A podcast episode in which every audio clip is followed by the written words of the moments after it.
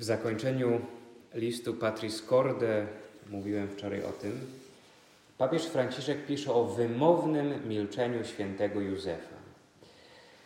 Rzeczywiście milczenie jest cechą, która zadziwia i wyróżnia y, oblubieńca Najświętszej Marii Panny w Biblii.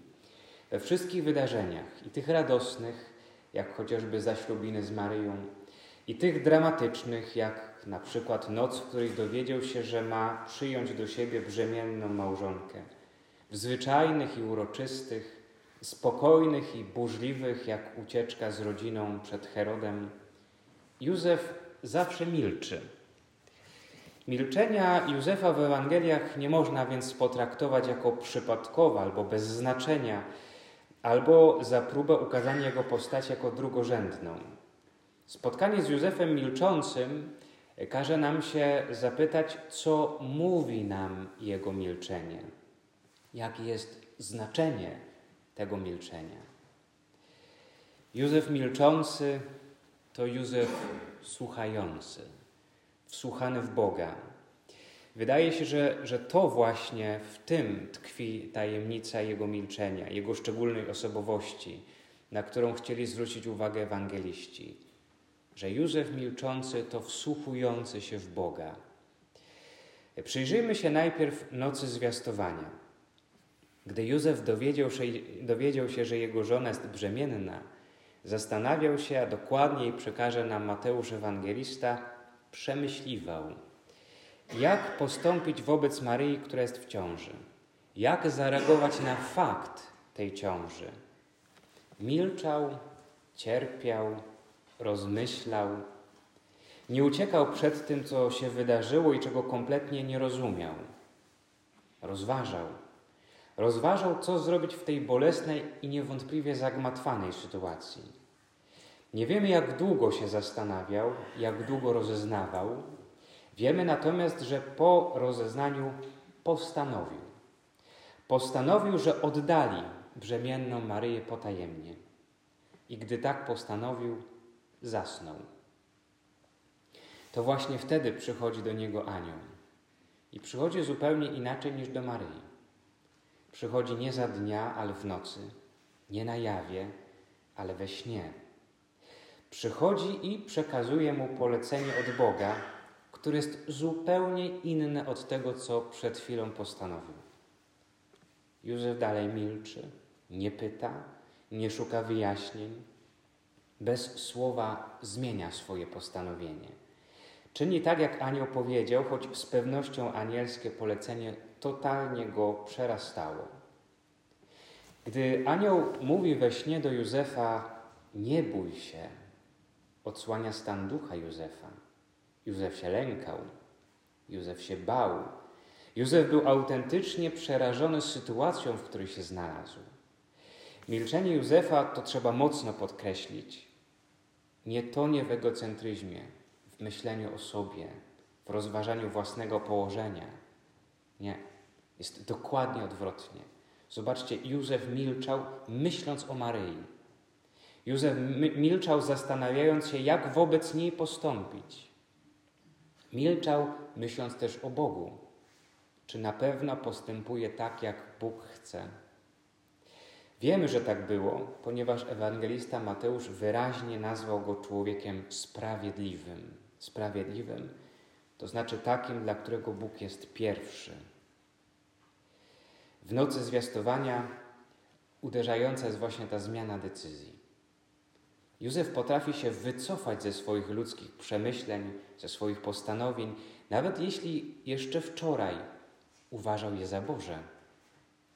On milcząc słucha, a słuchając słyszy od anioła, że Bóg chce innej decyzji. Dlatego rano wstaje i czyni tak, jak Bóg chciał, a nie tak, jak sam sobie wyobrażał, że powinien uczynić.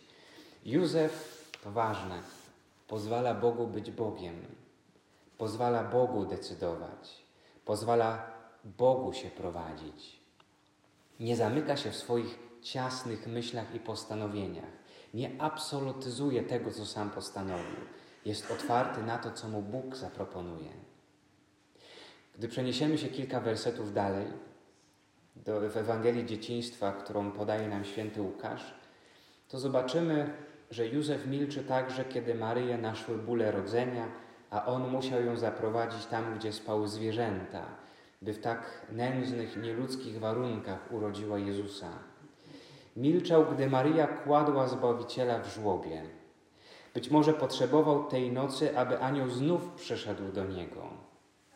Ale anioł nie przychodzi. Aniołowie nie ukazali się w stajni ani jemu, ani Maryi. Objawili się natomiast pasterzom i kazali im pójść do świętej rodziny. Józef milczy, gdy pasterze adorują niemowlę, gdy słyszy, co aniołowie powiedzieli im o tym dziecku, leżącym teraz i kwilącym na sianie. Milczy, gdy pasterze odchodzą. Nie próbuje ich zatrzymać, dopytywać. Wraz z Maryją uczy się zachowywać wszystkie te sprawy w sercu. Zatrzymał nie pasterzy, ale zatrzymał w sercu to, co usłyszał od pasterzy o tym dziecięciu. Milczał i zadziwiał się. Gdy Józef i Maryja przyszli ofiarować Jezusa do świątyni, pamiętamy, pojawiają się tam dwaj staruszkowie: prorok Symeon i prorokini Anna. Wtedy w świątyni padło wiele słów, ale ani jedno z ust Maryi i Józefa. Święty Łukasz zapisał jedynie, że dziwili się, tak samo jak wtedy, gdy słuchali opowiadań pasterzy. Nie chodzi jednak o takie zwyczajne zadziwienie się.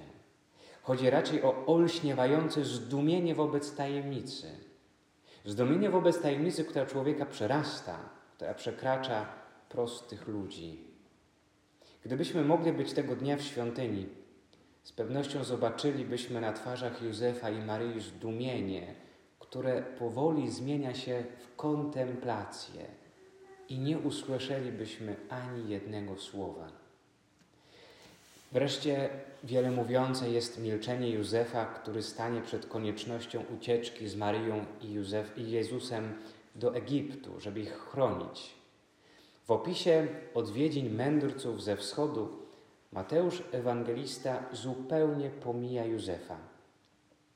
Pisze, zobaczyli dziecię z matką jego Maryją, padli na twarz i oddali mu pokłon.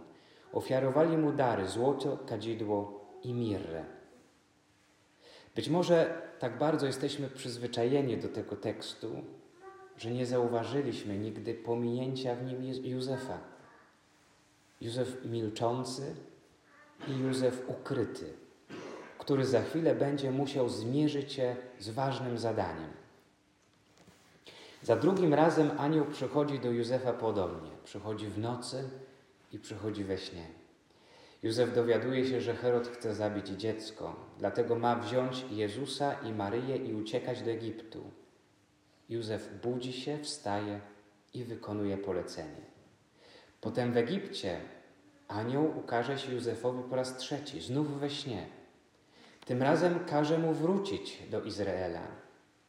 Józef znów budzi się, wstaje i wykonuje polecenie. Kiedy jednak dowiaduje się, że w Judei panuje Archelaos, zląkł się i znów ukazał mu się anioł, znów we śnie. Nakazuje Józefowi zamieszkać z rodziną w Nazarecie. Józef naturalnie budzi się i wykonuje polecenie. Długa droga tułaczki, bez jednego słowa Józefa. Ile razy musiał zmieniać plan, zrywać się w środku nocy, uchodzić, zamieszkać tam, gdzie nie chciał. I wreszcie znalazł dom w Nazarecie. I wreszcie ewangelista Łukasz przenosi nas do wydarzenia, które miało miejsce, gdy Jezus miał 12 lat. W czasie pielgrzymki do Jerozolimy, jak pamiętamy, Jezus zagubił się Józefowi i Maryi. Opis poszukiwania dziecka zawiera nagromadzenie form czasownikowych, nadaje całości sporą dynamikę. Nie zauważyli, przypuszczając, uszli, poszukiwali go, nie znalazłszy, wrócili, poszukując go, znaleźli. Całość opisu kończy jednak dobrze nam znana konkluzja. Zobaczywszy go, zdumieli się. Dynamiczny opis jakby zastyga. Ten moment zatrzymania zatrzymanie zostanie przerwane jedynie przez pytanie Maryi i zupełnie niezrozumiałą odpowiedź Jezusa. Tak, to nie Józef pyta, choć był prawnym opiekunem, ojcem, ale Maryja. Józef milczy. Milczy również, gdy Jezus wymownie wskazuje na innego ojca, do którego należy całkowicie. Ksiądz Krzysztof Wąs, rekolekcjonista, dyrektor Centrum Formacji Duchowej, napisał: Oto ikona Józefa Milczącego, którą uwiecznił Łukasz. Z pewnością chciał, abyśmy ją dobrze zapamiętali, zanim cieśla z Nazaretu zniknie raz na zawsze i już go nie spotkamy w kolejnych wersetach Ewangelii. Wspomną o nim tylko lekceważąco ziomkowie z Nazaretu oraz mimochodem Filip. Wszystkie czasowniki, które skrzętnie dobierał Łukasz, tak jak dobiera się kolory farb, przedstawiają gramatykę życia Ojca Milczącego. Te czasowniki stają się jednocześnie przymiotami jego życia.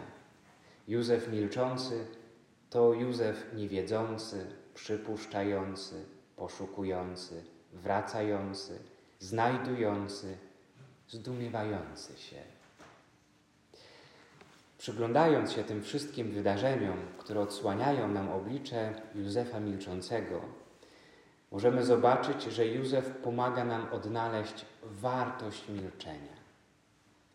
Milczenie otwiera go na słuchanie, pomaga mu właściwie rozeznać, weryfikuje jego decyzje, ale prowadzi go też do kontemplacji tajemnicy, do zadziwienia nad Bożymi planami. Przychodzi nam żyć w czasach, które są niezwykle hałaśliwe. Hałas wielu z nas kojarzy się przede wszystkim z dźwiękiem, a konkretnie z nadmiernym poziomem głośności. Hałas jednak to nie jest tylko dźwięk. Hałas to jest wszystko, co do nas dociera i sprawia, że nie potrafimy dostrzec istoty rzeczy. Być może macie doświadczenie modlitwy w pustym kościele. Kiedy wchodzimy do kościoła, w którym przenika nas cisza, nie od razu potrafimy się skupić na modlitwie. Zalewa nas fala myśli, odkrywamy, jak wiele jest w nas hałasu. Wszystko w nas krzyczy. Mijane wcześniej na ulicach billboardy, reklamy, które pchają się do nas zewsząd, powiadomienia, które nieustannie wyświetlają się w naszych telefonach, wiadomości, które płyną do nas z radia, telewizji, prasy czy internetu. Informacje, które docierają do nas od najbliższych, rodziny, przyjaciół, nasze osobiste sprawy, męczące problemy, nierozwiązane dylematy, powtarzające się grzechy. Długo by tak można wymieniać. To wszystko nam się objawia, gdy próbujemy wejść w ciszę, w skupienie. W 2010 roku Benedykt XVI powiedział, Żyjemy w społeczeństwie, w którym wydaje się, że każda przestrzeń, każdy moment muszą być wypełnione inicjatywami, działaniem, dźwiękami. Często brak czasu nawet na to, żeby posłuchać i porozmawiać. Nie bójmy się ciszy wokół nas i w nas samych, jeśli chcemy, żeby nam się udało usłyszeć nie tylko głos Boga, ale i głos tych, którzy żyją obok nas, głos innych ludzi. Kardynał Robert Sarach w książce Moc milczenia pisze: Ciszę trzeba pieczołowicie chronić przed wszelkim pasożytniczym hałasem. Hałasem naszego ja, które nieustannie upomina się o swoje prawa, zanurzając nas w przesadnej trosce o siebie. Hałasem naszej pamięci, która ciągnie nas ku przeszłości, ku naszym wspomnieniom i, i lub błędom hałasem pokus lub acedii, duchem łakomstwa, rozwiązłości, skomstwa, gniewu, smutku, próżności, pychy, krótko mówiąc, tego wszystkiego, co stanowi materię naszej walki duchowej, walki, jaką człowiek musi codziennie podejmować, aby uciszyć pasożytnicze hałasy, aby wszystko spalić ogniem łagodnego płomienia Ducha Świętego. Najlepszym antidotum jest milczenie. Tak często narzekamy, że nie słyszymy Boga, że nam nie odpowiada, choć tyle do Niego mówimy. Nie potrafimy Go odkryć w naszym życiu, dostrzec Jego działania. Bóg wydaje nam się nieobecny, milczący. A jednak Jezus mówi w przypowieści: Siewca wyszedł siać. Ziarnem jest słowo, a siewcą Bóg. Bóg nieustannie do nas mówi. Przez słowo, przez działanie, mówi nieraz także przez milczenie. To, czy słowo usłyszymy i czy ono cokolwiek w nas zmieni, zależy jedynie od nas, od tego, jaka jest gleba naszego serca. Jeśli więc użyźnimy, nie użyźnimy tej gleby milczeniem, nie spodziewajmy się żadnej zmiany. Bez milczenia nie usłyszymy Boga. Nie zadziwimy się żadną Jego tajemnicą. Niczego nie odkryjemy.